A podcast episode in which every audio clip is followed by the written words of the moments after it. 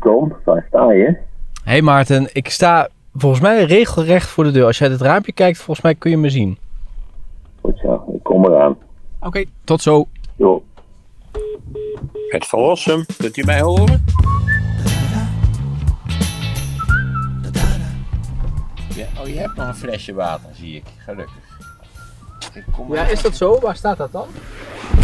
Dat staat hier. Ah, oké. Kom kom mijn eigen flesje niet. Weet je wat grappig was? Nou ja, grappig. De vorige keer reed ik weg, of de voor een van de laatste keren. En toen, toen stond het, het flesje nog on, onbedopt. Hoe noem je dat zo? Dat is helemaal leeg gelopen. Was het omgevallen. Dus er zit nu zo'n, je ziet nu zo'n mooie afdruk van het water in de bank. Misschien krijg je bij inruilen van, nou, heeft wel een hele rare vlek op de achterbank. Ja, dan, ja, dan vragen ze af wat dat is. Hoe was het in Duitsland? Hoe was het in Duitsland? Even kijken. Oh ja. Hoe was het in Duitsland? Ja, dat is lastig te zeggen. Het was een hele prettige reis, ik kan niet anders zeggen. Eh, wat mij toch altijd frappeert, eh, in de allereerste plaats is het prachtige landschap.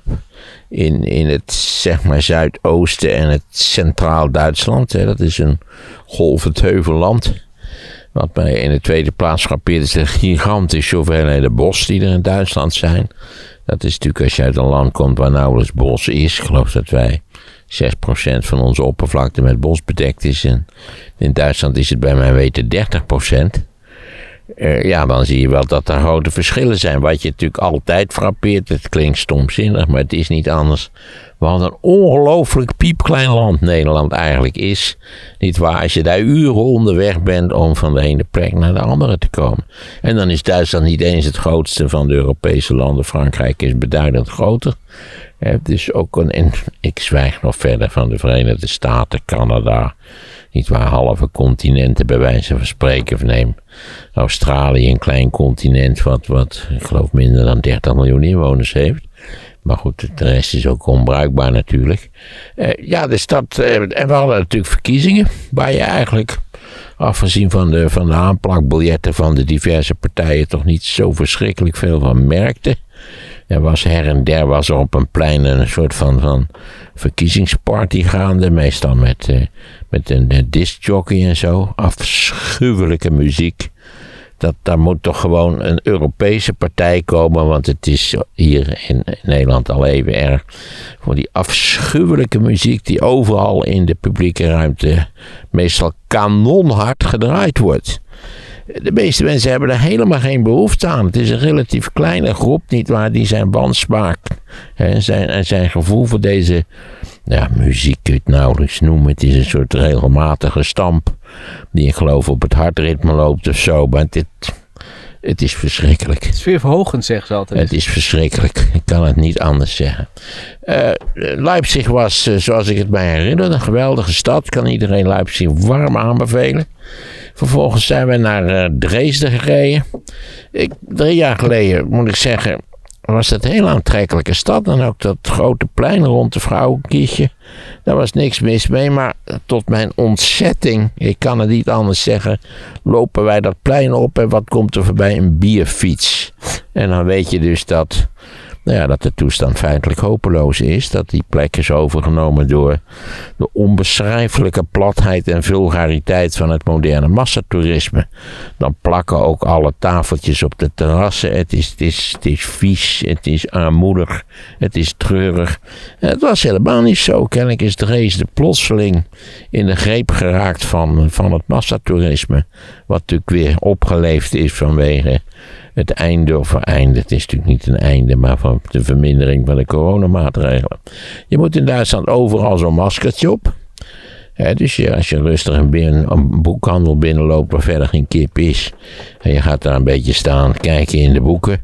Dan komt er onmiddellijk een jonge dame op je af en die zegt dat je, ja, je mag alleen in boeken kijken als je het maskertje op hebt. Dat je niet al die vreselijke virussen in die boekjes inwalmt als het ware. Wat valt er verder aan te zeggen van Duitsland? Eh, niet zo Het verschrikkelijk veel. eten eigenlijk. heb je nog niet niks over Oh, het eten. Nou ja, ik moet zeggen, mijn, eh, eh, de, de leider van deze, van deze expedities, Willem Melging, die doet altijd de boeking voor de, in, in de restaurants. dan gaan wij dan met z'n tweeën eten. En dat is allemaal, het allemaal prima. Oh, je gaat niet met al die andere mensen erbij. hè? Alleen de eerste dag is er een gratis maaltijd voor de hele groep. Ten behoeve van de solidariteitsvorming. en eh, daarna eh, eten wij dan met z'n tweeën. Maar het was een hele gezellige groep. Eh, algemeen functioneren die groepen tip-top. Althans, het is mijn indruk. Ik weet natuurlijk nooit wat ze. Maar het lijkt mij niet dat ze achteraf zeggen: Nou ja, het was zus was zo. Was mijn indruk helemaal niet. Volgens mij zijn ze daar heel tevreden over. Ik vergeet nog te vermelden dat we ook nog in Erfurt en Weimar zijn geweest. In Erfurt moet ik zeggen, schat ik zelf de bevolking zo 1, 2, 3 op 80.000 man. Dat bleek geloof ik drie keer zoveel te zijn. Dat had ik aanzienlijk fout gezien. Weimar was ik nooit geweest, dus dat eh, is heel aantrekkelijk. En dan komen we natuurlijk op het fameuze punt. Dit is de, de hele reis was eigenlijk, die ging naar de restanten van de eenmalige DDR. De Duitse Democratische Republiek. Voor degenen die alweer vergeten zijn dat die ooit bestaan heeft. Die heeft ooit bestaan. Wat was de Duitse Democratische Republiek? Dat was een ongelooflijk achterbaks klein dictatuurtje. Niet waar wat gevormd was in de voormalige bezettingszone eh, van eh, het Rode Leger in oostelijk Duitsland. Opgeheven in 1989 in feite. Dus we zijn gaan kijken naar de zonnegrenzen, naar diverse musea, diverse locaties waar dit regime actief is geweest. En nou ja, dat is altijd heel instructief, omdat je daar iets ziet wat, wat godzijdank niet algemeen is in de wereld, namelijk een land wat georganiseerd is als een gevangenis. Je kon er niet uit, niet waar? Ja, je mocht, je mocht naar Tsjechoslowakije, maar dan kon je daar weer niet uit. Het hele Oostblok was een gevangenis, maar de DDR wel bij uitstek een gevangenis. Denk je een land, denk aan een land met een, met een grens die dwars door Duitsland liep natuurlijk, het ijzeren gordijn.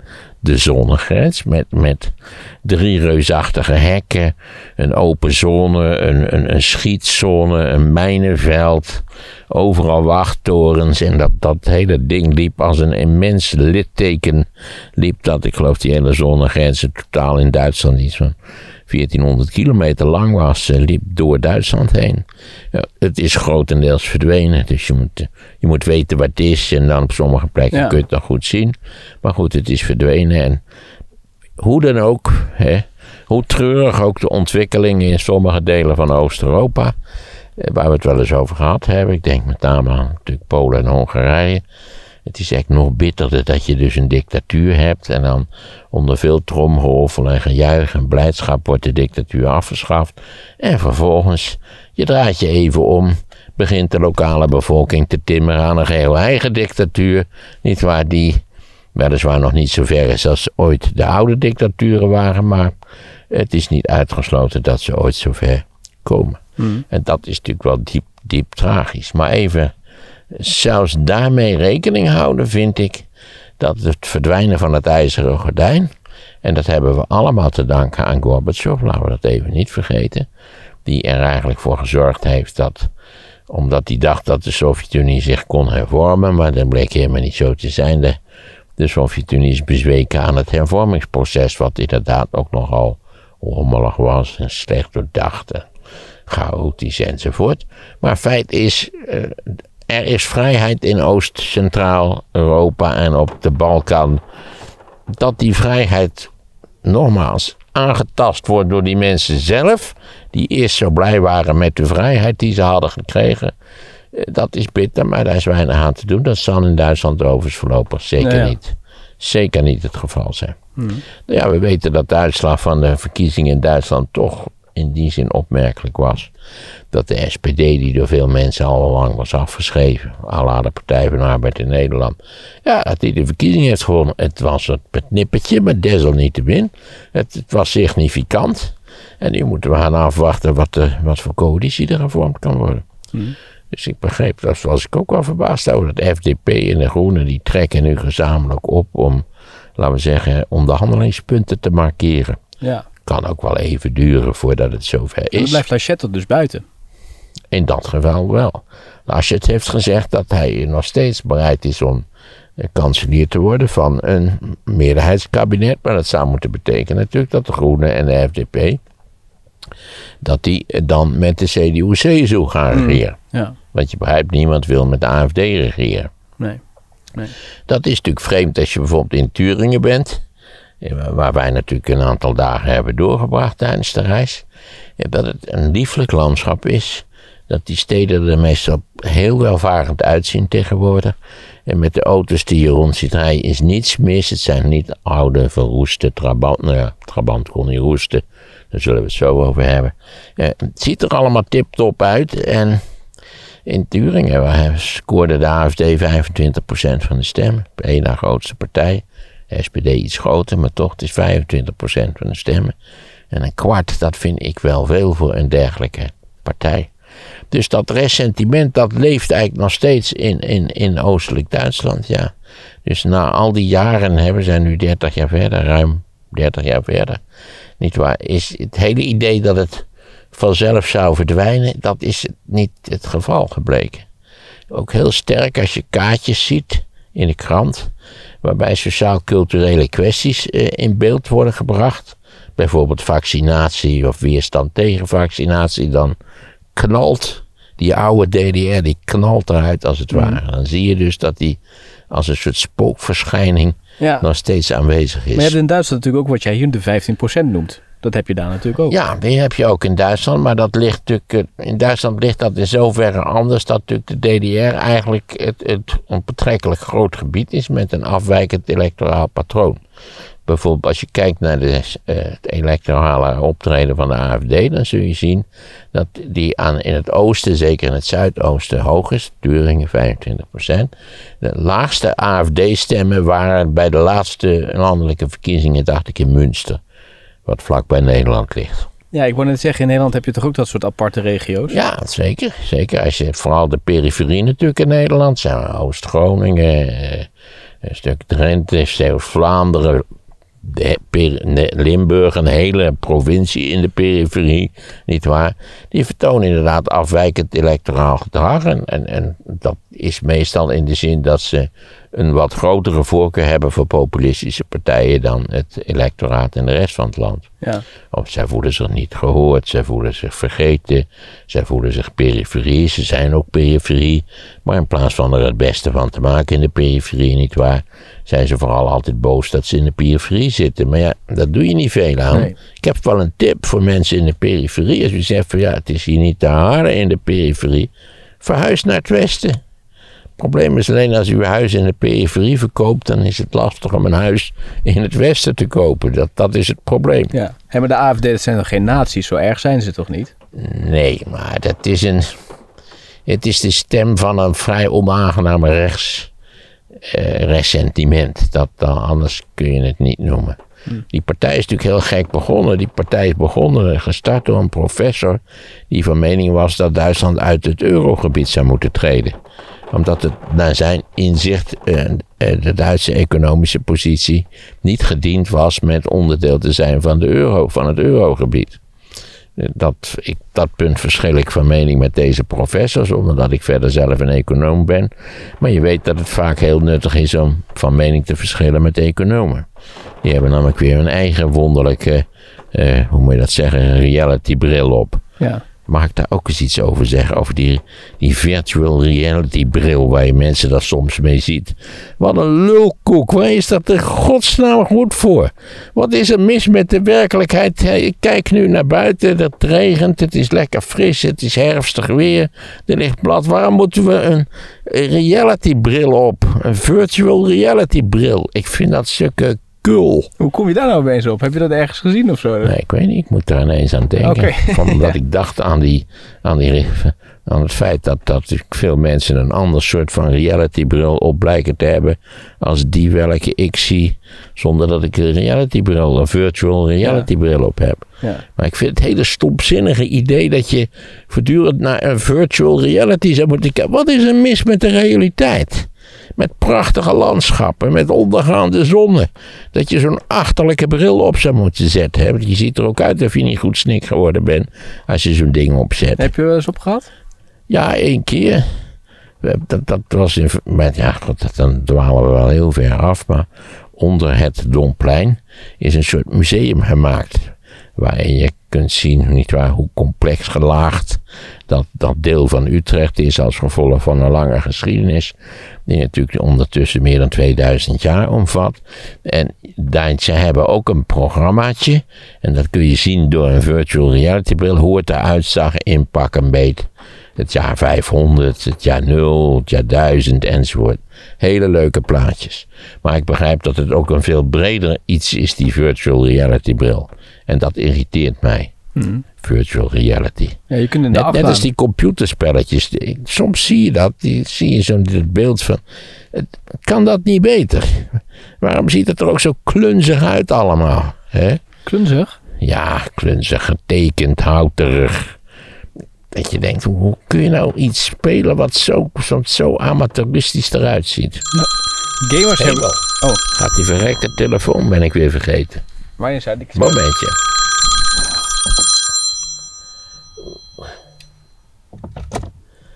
Dat is wel mooi. Dat je kunt, als je gebeld wordt, op een knopje drukken. En dan komt er een venstertje, kun je kiezen uit een aantal beknopte tekstjes. Waarvan vooral de laatste tekst mij erg aanspreekt. Het komt nu niet zo goed uit. Ik wist dat ook niet, dat heeft iemand me natuurlijk uit moeten leggen, dat begrijp je wel. Maar het is erg handig, want nu krijgt dus deze beller krijgt bericht, het komt nu niet zo goed uit. Ja. Heel beleefd. Ja, dat klopt. Hey, maar je- die, die brillen, die kun je ook... eh, Daar kun je eventjes wel naar een wereld toe waar je misschien niet zo snel naartoe kunt. Ik wil helemaal niet naar een andere wereld. Ik ben heel tevreden over deze wereld. Want als je, als je dat toch op dit thema wil, wil spelen. Ik, ik hoef ook helemaal niet naar Nepal om van het leven te genieten. Hè? Of de, onder, de zon te zien ondergaan boven de Andes. Dat hoeft voor mij helemaal niet. Of naar de Gili-eilanden. Ja, of de Fiji-eilanden, of weet ik het wat. Ik begrijp ook niet iets van die, die hysterische reislust die onze cultuur bevangen heeft. Ja, ja. Eh, Er zijn, ook, eh, er zijn ook mensen die bij games zeggen... het is heel educatief, want je leert er heel veel van. Ik geloof er geen flikker van. Lees een goed boek. Ja, dat is ook eens voor de game toch? Met je, moet je hersens ook bij gebruiken als het, als het een beetje Ja. in orde is. Ja. Hey, was er nou in, in mag van mij wel. Wacht even. Ik bedoel, ik, ik, ik vind het irritant. Maar ik wil, als mensen het leuk vinden, laten ze vooral hun gang gaan. Iedereen heeft het volste recht om zijn leven op geheel eigen wijze te verpesten. Dat moeten we altijd in de gaten houden. Gamen je kleinkinderen? Ja, volgens mij wel. Hm. Ja, wie niet tegenwoordig? Je hoort er niet bij als je niet gamet. Hè? Nee. En daarna ga je dan chillen. Hè? En, dan, en daarna, als je gechilled hebt, ga je shinen. Nou, dat is geweldig allemaal. Hè? Dat is een leven wat, wat. Nou ja, wat, dat zal ik nooit kunnen leven omdat ik een oude zak ben. Maar, maar Wat, wat is shine, hè? Shine is dat je, dat je een enorme, enorme indruk maakt en opgewekt bent. En dat je het, het hart van de, van, de, van de vrolijke partij bent. Nou ja, al die dingen die ik liever niet ben. Zijn er in Duitsland dingen die je nog niet wist, die je door die reis wel hebt? eh, Nee, want daarvoor kom ik er te vaak. Oh. We maken, maken praktisch elk jaar twee van die reizen naar Duitsland. Dus het is niet zo. Nee. Maar goed, ik ben elke keer weer gefrappeerd door het prachtige landschap. Eh, wat er toch fijn bij ligt. Niet, niet slordig is. Eh, ik weet niet of daar speciaal werk van wordt gemaakt. Maar ja, het is een schitterend land om te zien. Ja. Hey, er zijn eh, mensen die zich vragen zich af, heeft Van Rossum een eh, glazen bol op zijn studeerkamer staan? Want met 9-11 had je gelijk. En nu met de coalitie heb je ook altijd gezegd, het wordt gewoon voortgezet. En nou ja, voilà. Nee, ik heb op mijn studeerkamer geen glazen bol. Daarvoor is ook geen ruimte te midden van die totale chaos die daar heerst. Eh, Ik heb mijn hoofd is namelijk een glazen bol. Zo zou je het het beste kunnen zien. Omdat ik inderdaad ja, vanaf een relatief vroeg eh, stadium aan zag komen dat de Rutte koerste op, op eh, de voortzetten van het zittende kabinet. Bovendien had dat eigenlijk iets gewonnen met, bij, de, bij, de bij de verkiezingen. Die ook alweer bijna zeven maanden geleden zijn natuurlijk. Aan- Over twee weekjes, zeven maanden geleden. Ja, ik dacht altijd, die kant gaat het natuurlijk op. En, en nou moet natuurlijk gezegd worden dat de, VVD en het CDA, die hebben elkaar goed vastgehouden. Waardoor eigenlijk alle andere oplossingen onmogelijk waren. Dat, dat is vrij evident. En zij zaten natuurlijk met het Kaagprobleem. Het Kaag wou liever helemaal niet natuurlijk dat het zittende kabinet wordt gecontinueerd. Wat ik ook met permissie een ongelooflijk armoedebod vind. Dat je daarmee doorgaat als dat nou een ongekend dynamisch, succesvol kabinet was geweest. Maar nee, dat was het toch helemaal niet. Eh, ook het afhandelen van allerlei affaires van, was van een ongelofelijke klunzigheid. En dan nog wat demissionair geworden. Het, het, met, die rare duiventil. Je kon geen nieuwe staatssecretaris benoemen. Of al na, na drie weken kwam die brandend het kantoor uit.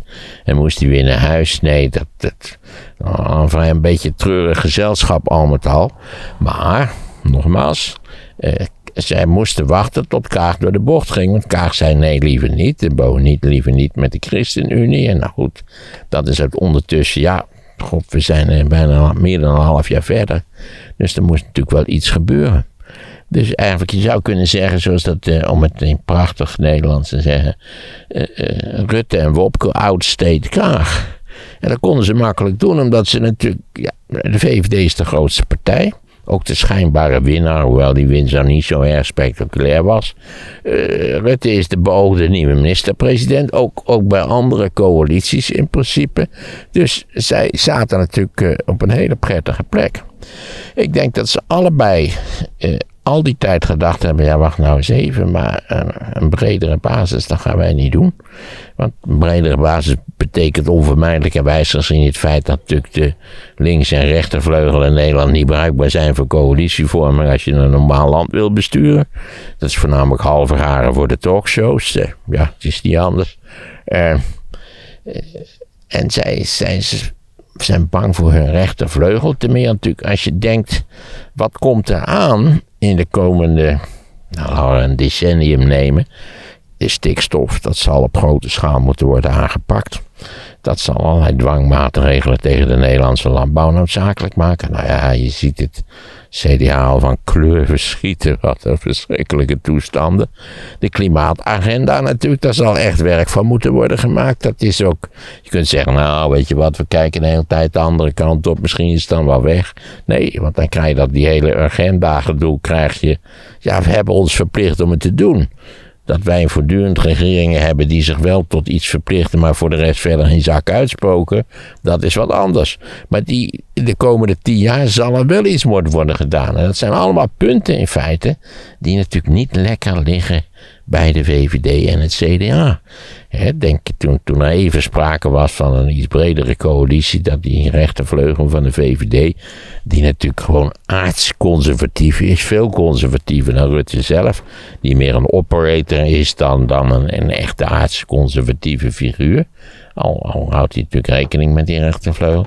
Die zijn toen al te hoop gelopen. En goed, dan begint de telegraaf te schrijven. En zo. Ja, je kent het recept wel. Dus zij dachten, eh, wij blijven hier rustig zitten. We zeggen steeds, nee, nee, dat gaan we echt niet doen. En vandaar mijn idee dat, dat dit voor het CDA en de VVD de enige aantrekkelijke oplossing is, willen ze greep houden op dat veranderingsproces wat zal moeten worden ingezet, zelfs door hen twee. Maar anders zouden ze veel scherper onder druk kunnen worden gezet door eventuele coalitiegenoten. Hmm. Dus als je er even over nadacht, en dat kwam natuurlijk bij het CDA dik verloren. Wopke wil waarschijnlijk toch weer minister van Financiën worden, wat ik hem niet gun. Ik gun het hem niet. Ik hoop dat D66 zeggen: we hebben nou zoveel concessies gedaan dat we veel liever een andere minister van Financiën hebben. Koolmees bijvoorbeeld. vind je hem inhoudelijk niet goed of, of vind je hem geen fijne figuur? Ik vind hem geen fijne figuur. Ik heb niet de indruk dat, uh, dat Wopke een aanwinst is voor de Nederlandse politiek. Ik vind het zelfs helemaal geen echte VVD'er. Het is gewoon een, een conservatief uit de conservatieve elite. Hij ziet er blits uit en hij loopt toch ook hard en zo. Al die dingetjes die er tegenwoordig bij horen. Of je conservatief bent, ja of nee. Maar nee, ik vind het geen aanwinst. Hm, je bedoelt CDA, want je zei VVD, maar je bedoelt CDA. Ja, voor het CDA ook niet. Ja. Het CDA zegt toch altijd dat ze, ze, ze willen toch de, de, de, planeet op een verantwoordelijke wijze beheren, zoals de Heer Jezus het graag ziet. Ja. Nou, ik, moet, ik heb al vaker gezegd, eh, wat precies de, de, de, de inzet van, van het CDA is voor het beheer van de planeet, dat is mij nooit duidelijk geworden. Dat natuurlijk een nee. aardsconservatieve, volledig agrarisch gerichte partij is geworden. Is Kaag nou een winnaar of een verliezer? Zij moest noodzakelijkerwijs van dit spel de verliezer worden. Nou, Omdat zij. Toe. Maar ze kan natuurlijk nog in de onderhandelingen, kan ze nog de buit binnen Nou ja, ze kan zeggen, jullie kunnen het dak op, ik ga het niet doen. Ze heeft nu natuurlijk gezegd, ja, het moet wel een heel ander kabinet worden dan het zittende Ja, dan kabinet. kan ze haar plan op tafel leggen. Ja, dat zal ze doen. En dan is de vraag hoe ver ze dan gaat in het, in het doen van concessies. Maar staat ze nu sterker doordat ze die eh, draai heeft gemaakt? Ietsje, maar niet erg. Hm. Ja, het probleem is dat natuurlijk, ze is in de eentje. En, en die andere lui willen die linkse partijen er niet bij. Dat wou zij wel graag. Ja. Ja, die zijn, de linkse partijen zijn nu ook weer boos natuurlijk. Want dat is wel fijn van Nederland. Iedereen is boos op iedereen. ja, jammer nog, behalve Rutte en Wopke. Die zijn niet boos op elkaar, want die zien de bui wel hangen. Hè. Die moeten dus controle houden over de uitvoering van wat feitelijk agendapunten zijn waar ze niks mee hebben. Hè. Als je ze s'nachts wakker zou maken nadat ze een beetje een, een borrelde avond hadden gehad, dan zouden ze zeggen: donder op met je, met je, met je stikstof. Hè. Wat ons betreft blijven we gewoon lekker stikstof erin pompen. Nee, maar ze zullen er iets aan moeten doen. En ik denk dus dat om, die, om controle te houden op die agenda, die de komende tien jaar in allerlei opzichten zal beheersen, ja, daar komt nog iets bij. We krijgen een hele reeks van parlementaire enquêtes. Onder andere naar de toeslagenaffaire en naar andere affaires die allemaal even, want dat kon je de afgelopen dagen ook zien, de klunzigheid waarmee het dan opgeruimd moet worden. Dat je denkt van, nou, hoe kun je het nog stomzinniger organiseren? Wat stond erbij in de krant? Ja, er was eigenlijk te weinig personeel om die toeslagenaffaire een beetje rap op te ruimen. Dan neem je toch god beter meer personeel aan. Wat is dat voor onzin? Er was geen personeel. Maar die Nou vinden ze niet. Het personeelstekort overal. Nou, dan betaal je ze maar wat beter. Hè? Waarom zijn overal, is er overal personeelstekort? Niet waarom dat er meestal belazerd betaald wordt. Er wordt in het onderwijs belazerd betaald. Er wordt in de zorg belazerd betaald. En ik denk dat het lagere ambtelijke, ambtelijke niveau ook belazerd betaald zeggen, wordt. de mensen zijn er niet de geschikte mensen. Nou, dat betwijfel ik in hoge mate. Die werken bij allerlei bij bedrijven waar ze aanzienlijk meer geld kunnen verdienen. Dat zal het toch wel zijn. Je weet dat er veel meer mensen in principe gediplomeerd zijn om onderwijs te geven dan er daadwerkelijk onderwijs geven. Als al die mensen zouden besluiten om te gaan doen waarvoor ze zijn opgeleid, dan is dat hele tekort in de onderwijssector opgelost. En waar zitten die dan, die niet voor de Weet klas ik staan? veel, die zitten bij, eh, ik weet niet, waarschijnlijk virtual reality bedrijven. Die zitten allemaal met zo'n klote bril op. Zoiets dergelijks waarschijnlijk. Nee, die zijn er wel. Alleen, ja, als je ze niet goed betaalt, dan komen ze niet. Dat is toch heel begrijpelijk, of niet? Oké, dus meer geld moet de Belastingdienst betalen. Nou, sowieso, het loongebouw, dat eh, kan best wel wat, eh, wat activiteiten gebruiken. Hmm. Maar kan dat bij de overheid? Want ze moeten natuurlijk wel een beetje... Bij de overheid kan dat prima, daar moeten die bonden voor zorgen. Ja. Nog eventjes terug naar eh, Kaag. Ehm, jij hebt erop gestemd. Ik heb er ook op gestemd. Ben jij nou... Hoe, wat is het sentiment nu je ziet wat er gebeurd is? Nou ja, kijk, ik heb, eh, ik heb helemaal niet op K gestemd. Nee. Ik heb gestemd Oh, op op deze- D66. Haar partij, ja. We hebben het daar vaak over gehad. Mijn indruk was dat het bestaande kabinet toch gewoon terug zou komen. Dat wist je al toen je ging stemmen. Ik had een vermoeden, laat ik het zo zeggen. En, en nadat ik de uitslag had gezien, wist ik vrijwel zeker dat, dat Rutte het daarop aan zou laten komen. Het probleem is natuurlijk dat wat ik niet wist, is dat Rutte in enorme politieke problemen zou raken door die bekende notitie eh, omzichtfunctie elders. Wat overigens vanuit het perspectief van het CDA gerealiseerd is, want hij is nu een, een eenzame geest in, in de Tweede Kamer. Eh, nee, ik heb op D66 gestemd omdat ik het vermoeden had dat, dat dit kabinet gecontinueerd zou worden. Of althans dat, dat in ieder geval een rechtsgeoriënteerde regering gecontinueerd zou worden. En dat ik dus het vermoeden had dat de enige progressieve factor in dat, in dat nieuwe oude kabinet, dat dat D66 zou zijn. En dan was er voor mij natuurlijk nog een belangrijk zwaarwegend punt, zeer zwaarwegend in mijn geval. Namelijk dat D66 van al die partijen de enige is die openlijk pro Europese Unie is. Want je weet dat de VVD en CDA ook altijd net doen alsof dat niks is. En ja, kost geld. En, en ja, oeh jee. In feite zijn ze, weten, weten ze net zo goed als jij en ik dat dat, dat een onvermijdelijke zaak is. Wat, dat we ons daaraan moeten committeren. Maar ze doen altijd, nietwaar, ook weer uit vrees voor de bekende rechtervleugel. Alsof het allemaal verschrikkelijk is en duur is en anders zou moeten. En nou, daaruit, dat hoor je niet gauw van CDA, VVD, maar Nou, eh, je hebt ook in Nederland ook allerlei denktanks. Bij mijn weten is Klingendaal ook niet erg pro-EU bijvoorbeeld. Dat vind ik heel bezwaarlijk. Maar het is wel zo. Dus ja, dat was mijn reden om op D66 te stemmen. Ik, ik, ik dacht je nou echt dat ik zo naïef was dat ik geloofde in nieuw leiderschap? Dat ik geloof in die onbeschrijfelijke lulkoek over transparantie? Nee, natuurlijk. Daar geloof ik verder allemaal geen hout van. Maar ik vind wel dat het landsbestuur wat efficiënter zou kunnen. En misschien daardoor iets doorzichtiger zou moeten zijn, maar ook weer niet te doorzichtig. Want dan loopt alles vast in ruzie en, en in wederzijdse Ja, verwijten. Maar dat natuurlijk de, het landsbestuur in Nederland in de afgelopen 10, 15 jaar is slordig geweest. Er zijn naar mijn idee hele grote fouten gemaakt. Of je nou naar de toeslagenaffaire kijkt of naar andere affaires. Eh, dat zou ook gecorrigeerd moeten worden. En dat daar ook, ook dat zou een belangrijk thema moeten zijn voor deze nieuwe regeringsploeg. En omdat, het, omdat eigenlijk de, de naaste toekomst er voor, voor rechtse partijen in Nederland eigenlijk niet vreselijk gunstig uitziet, was het voor die rechtse partijen essentieel om controle op de zaak te houden. Ja. Maar dus als ik het je goed beluister, is het nog te vroeg om te concluderen of je teleurgesteld bent in D66. Daarvoor moet je zo meteen het controle. Nou, ik ben op een leeftijd dat. Ik ben op een leeftijd dat, dat teleurgesteld in de politiek. Dat komt. Nou, PvdA was je toch ja, daar was ik over. Dat, dat, Rutte 2, daar was ik bitter over teleurgesteld. Ja, dat is een, een fout geweest. Die zullen ze met zich mee moeten dragen. En die zou gecorrigeerd ook moeten worden. Maar dat zal in feite, naar mijn idee, niet gebeuren. Maar ben ik nu teleurgesteld? Nee. nee. Te meer omdat ik natuurlijk electoraal ben ik een, een verweesde zwerver geworden. Hè? Een, man die, een man die voortdurend eh, onder een anderhalf dakje moet gaan slapen. Ja, dat is eigenlijk een hele trieste zaak natuurlijk. Ja, vind je eigenlijk dat eh, PvdA en GroenLinks het handig hebben aangepakt? Nou, misschien niet.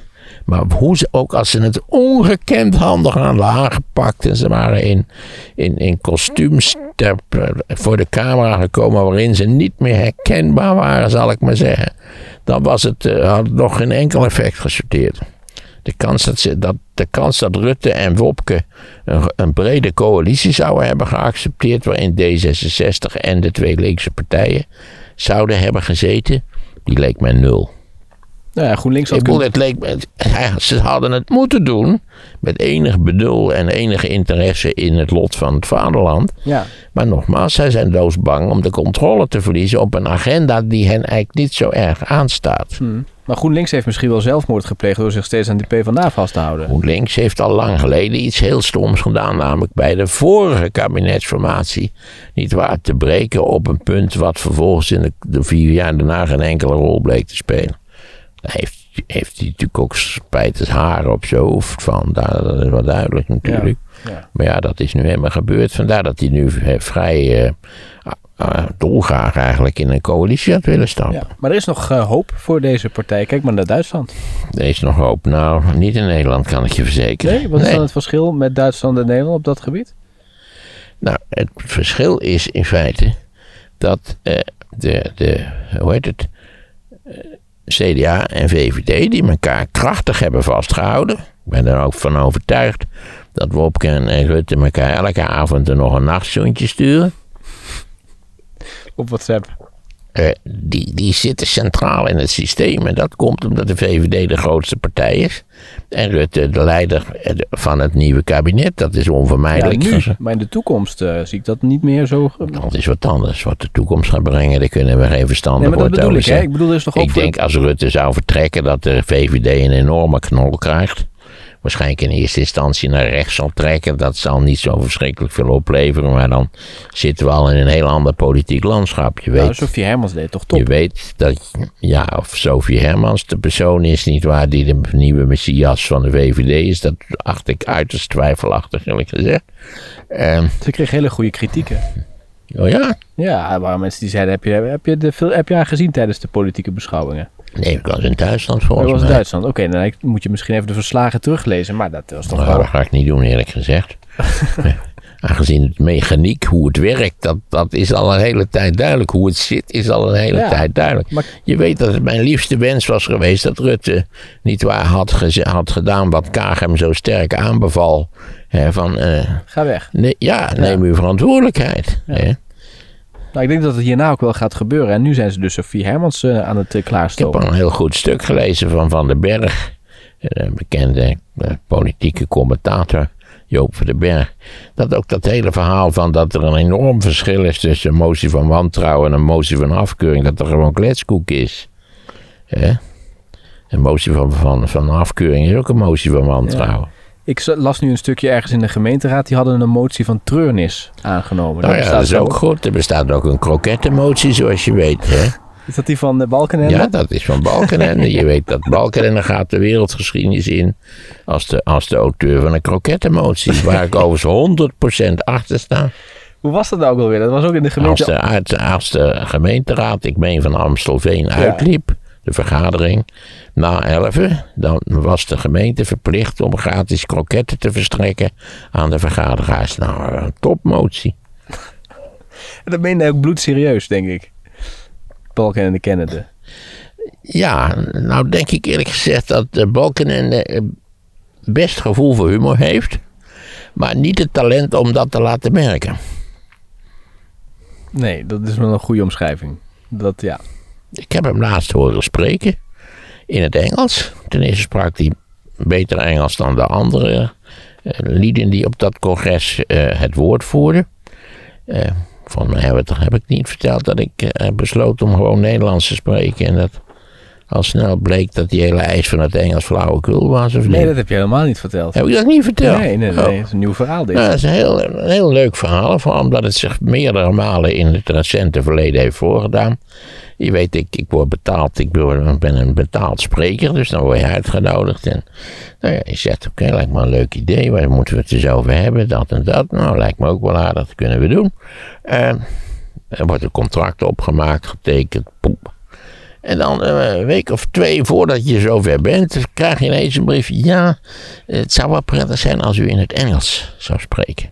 Want eh, we hebben 300 eh, gasten en daarvan zijn drie Engelstalig. Dus het, het is van echt van het aller, allergrootste belang dat u Engels gaat spreken. solidair. Ja, nou heb ik daar enorme takkenhekel aan om zo'n... Om zo'n kijk, ik spreek l'improvist. Ik lees het niet voor. Ik denk er niet zeven weken over na wat ik ga zeggen. Dus ik ben erg afhankelijk van de invallen van het moment. Zoals niet waar, ook bij de podcast vaak duidelijk wordt. Ik kan je verzekeren, als jij nu voor de volgende podcast eis stelt dat ik Engels spreek, dan hou ik hem mee op.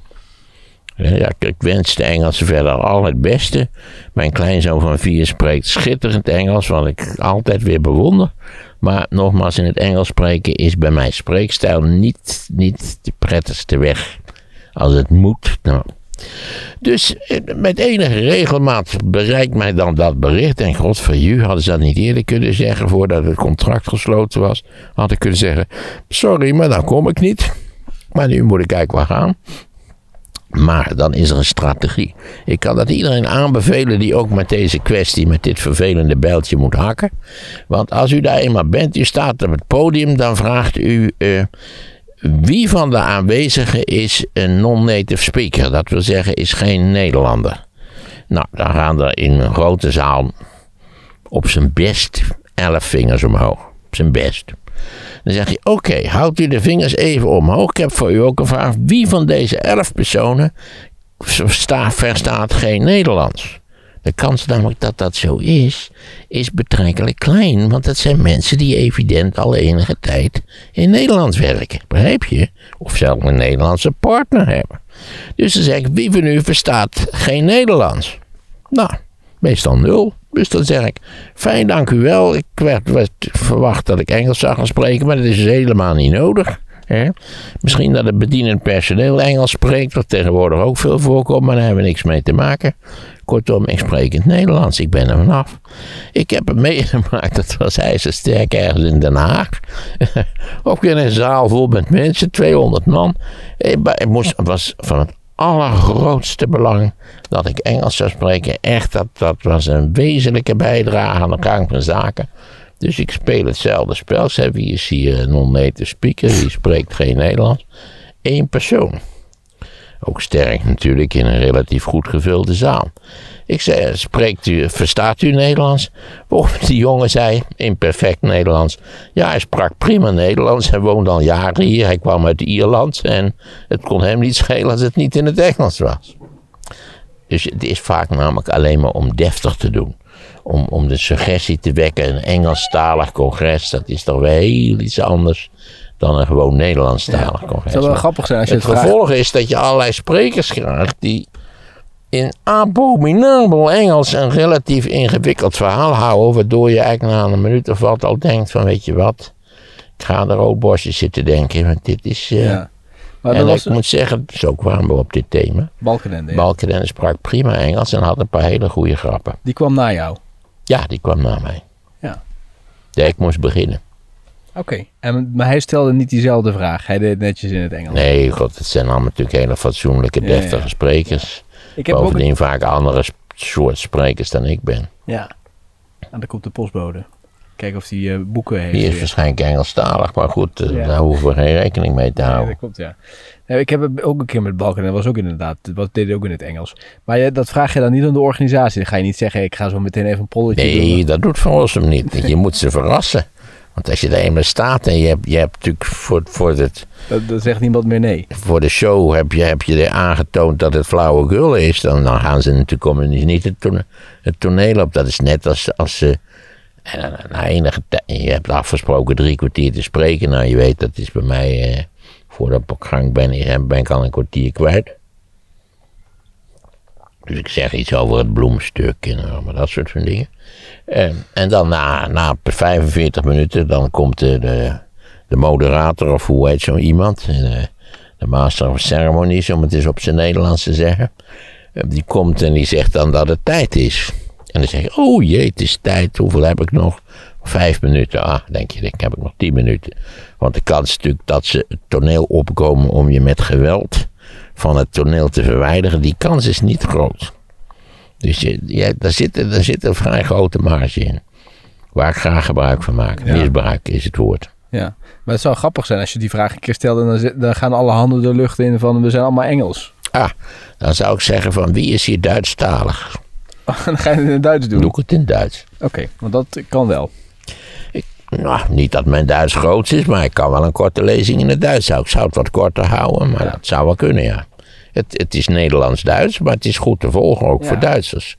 Ik kan er ook nog wel iets leuks over vertellen. Ik heb ooit eh, in een onderzoeksinstituut gewerkt in Mainz. Ja. Een jaar? Een jaar, om precies te zijn. En, en als je daar wegging, moest je een zogenaamd abschiedsvoortraak moest je houden. Nou, mijn Duits was niet geweldig, dus ik dacht, ik zet dat toch maar op papier. En ik laat een van de Duitsers typen en ja, dan laat ik even kijken of het een beetje een, een begrijpelijke tekst is en zo. Dan kan ik misschien wat improviseren, maar dat, dan heb ik wat. Dus ik leg dat voor aan een van de Duitse stipendiaten. Schat van een meisje. En eh, die las het. Zei ze, ja, zei ze, ja, het was eh, volkomen helder. Zeer begrijpelijk. Maar Duits, met Duits had het niet veel te maken. Maar het was goed, goed te begrijpen. Omdat je natuurlijk in het Duits, ja, dat is ook weer een kwestie van zinsvolgorde, idioom. Eh, ik let altijd scherp op als je zo'n Duitse politicus op de tv hoort spreken. Dat, is, dat Duits spreek ik niet. Nee. Maar was het in jouw tijd op de universiteit nog niet verplicht dat de, de professor ook Engels doseerde? Jazeker. We hadden voortdurend summercourses. Dat kan ik heel goed. Dat is helemaal geen probleem. Nee, maar ook deze normale... de- Vooral omdat de meeste studenten in die summercourses buitenlanders waren die nog veel slechter Engels spreken dan ik. Dan gaat er, ik had dat ding uitgezet, dacht ik. Hoe kan dat nou? Weet ik niet, misschien weet je de uitknop niet te vinden. Verdorie zeg. Hij hangt wel meteen op. Zo. Nu heb ik hem pas uitgezet. Nee, maar tijdens, wat nu is, als je, Neem me niet kwalijk. als je bij de universiteit een, eh, een eh, hoe heet dat, een eh, college volgt, is het allemaal in het Engels. Ja, goed. Ja, maar wat voor Engels? Jo, moet je horen, moet je zoren stoet haspelen. Deed jij dat heel ook? veel onderzoek. Nou, bij de summercourses wel, want dat moet je wel. Maar bij die anderen niet? Nee, als het even, even te vermijden viel, nee. Oké. Ik heb het ook nog wel eens gedaan, dat eh, vond ik altijd wel nuttig. Dat je zegt van, er was ook weer zo'n werkgroep, eh, 20 man, 17 Nederlanders, drie eh, Engelstaligen, dat ik het splitste. Dat ik Ik ben namelijk een soort spreker waarvan je de essentiële inhoud heel makkelijk later in 10 minuten samen kunt vatten. Dat kan trouwens bij vrijwel alle vormen van het gesproken woord. Maar goed, het is natuurlijk wel zo dat eh, Nederland... Nee, dus die summer, het probleem van die summercourses was dat het waren allerlei lui uit allerlei verschillende gebieden. Die allemaal op een formuliertje hadden ingevuld dat ze fluent in Engels waren.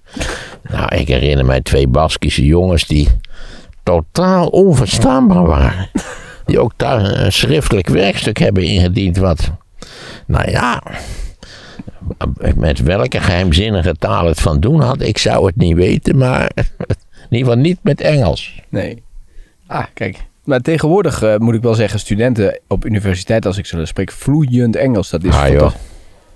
Nee? Nee joh, dat is helemaal niks. Maar wanneer ben je daar dan de laatste keer geweest? Je bent er toch heel lang weg? Ja, ik ben al heel lang weg, maar het idee dat de studenten vloeiend Engels waren ook, wij, bij ons studeerden vrij veel mensen af die eigenlijk eh, bij eh, Amerikaanse Engelse taal en letterkunde zaten. En die vroegen altijd, mag ik het in het Engels schrijven? Ook met zo'n gezicht van, dat schrijf ik, ik schrijf net zo goed Engels als Nederlands. En dan zei ik altijd, ja dat mag u wel doen, wist het ook echt Engels is. Nee, daar konden ze absoluut ga- garantie. Man, man, man, wat een rotzooi heb ik op dat punt binnengekregen. Engels, laat me niet lachen. Hè. Maar hoe kun je het... als co- je ooit Engelse literatuur hebt gelezen en zulke verschrikkelijke stukken in het Engels schrijft, nou, dat begrijp ik niet. maar hoe kun jij het controleren als je het zelf niet helemaal goed in de vingers hebt? Omdat mijn Engels altijd nog veel beter is dan die mensen die denken dat ze goed Engels kunnen. Oké, maar het is op de universiteit toch ook vaak komen heel veel mensen uit andere landen. En dan is het wel Ja, fijn als... die je dus absoluut niet kunt verstaan. Nee, gelukkig had ik enig tijd een assistente. En die die was meesterlijk in het verstaan van het Engels van die buitenlandse studenten.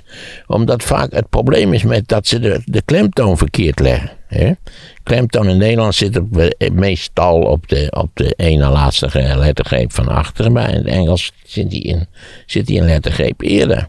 En als je, al- als je alle klemtonen verkeerd doet, dan is het heel moeilijk te, te begrijpen hoe, we- nou, enzovoort. Oké, ik snap het punt. Ja.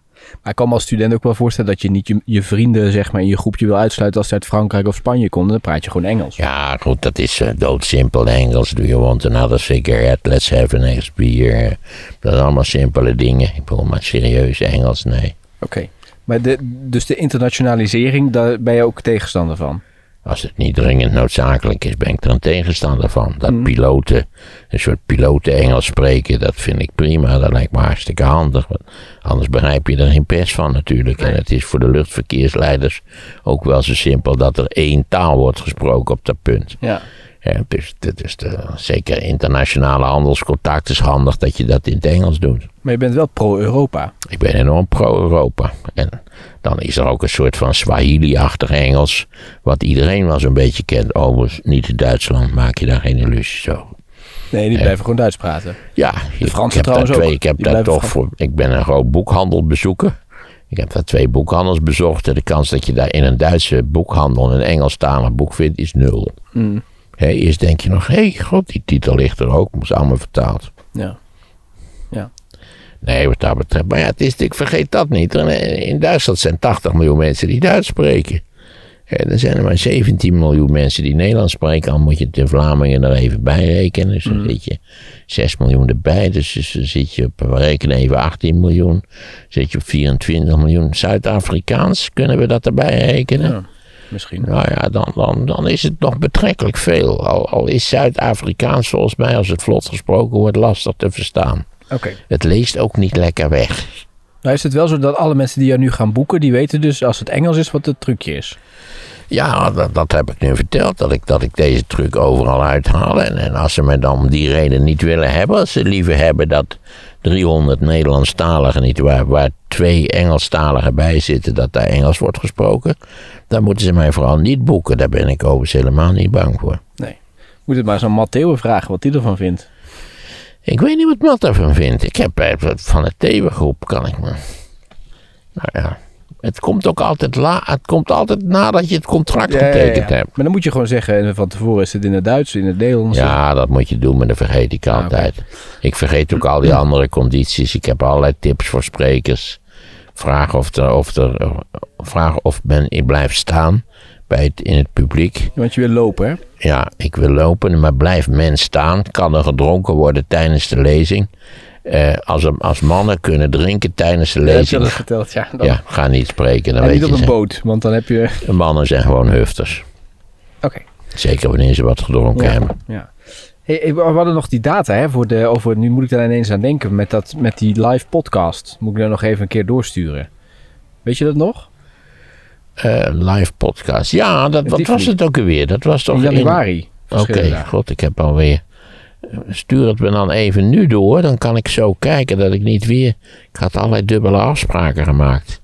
Oh, voor daarvoor.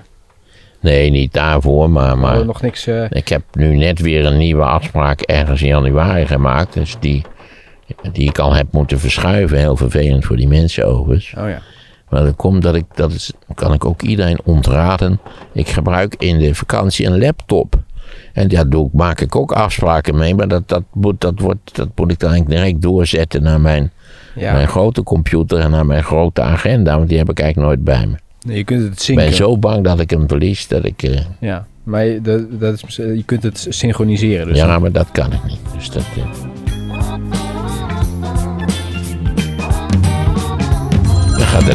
Ik had dat ding uitgezet, dacht ik. Hoe kan dat nou? Altijd leuk als je laat weten wat je van deze podcast vindt. Dat kan in Apple Podcast. In die andere apps kan dat niet. Maar je kunt altijd eventjes een reactie op je social media zetten. Dankjewel.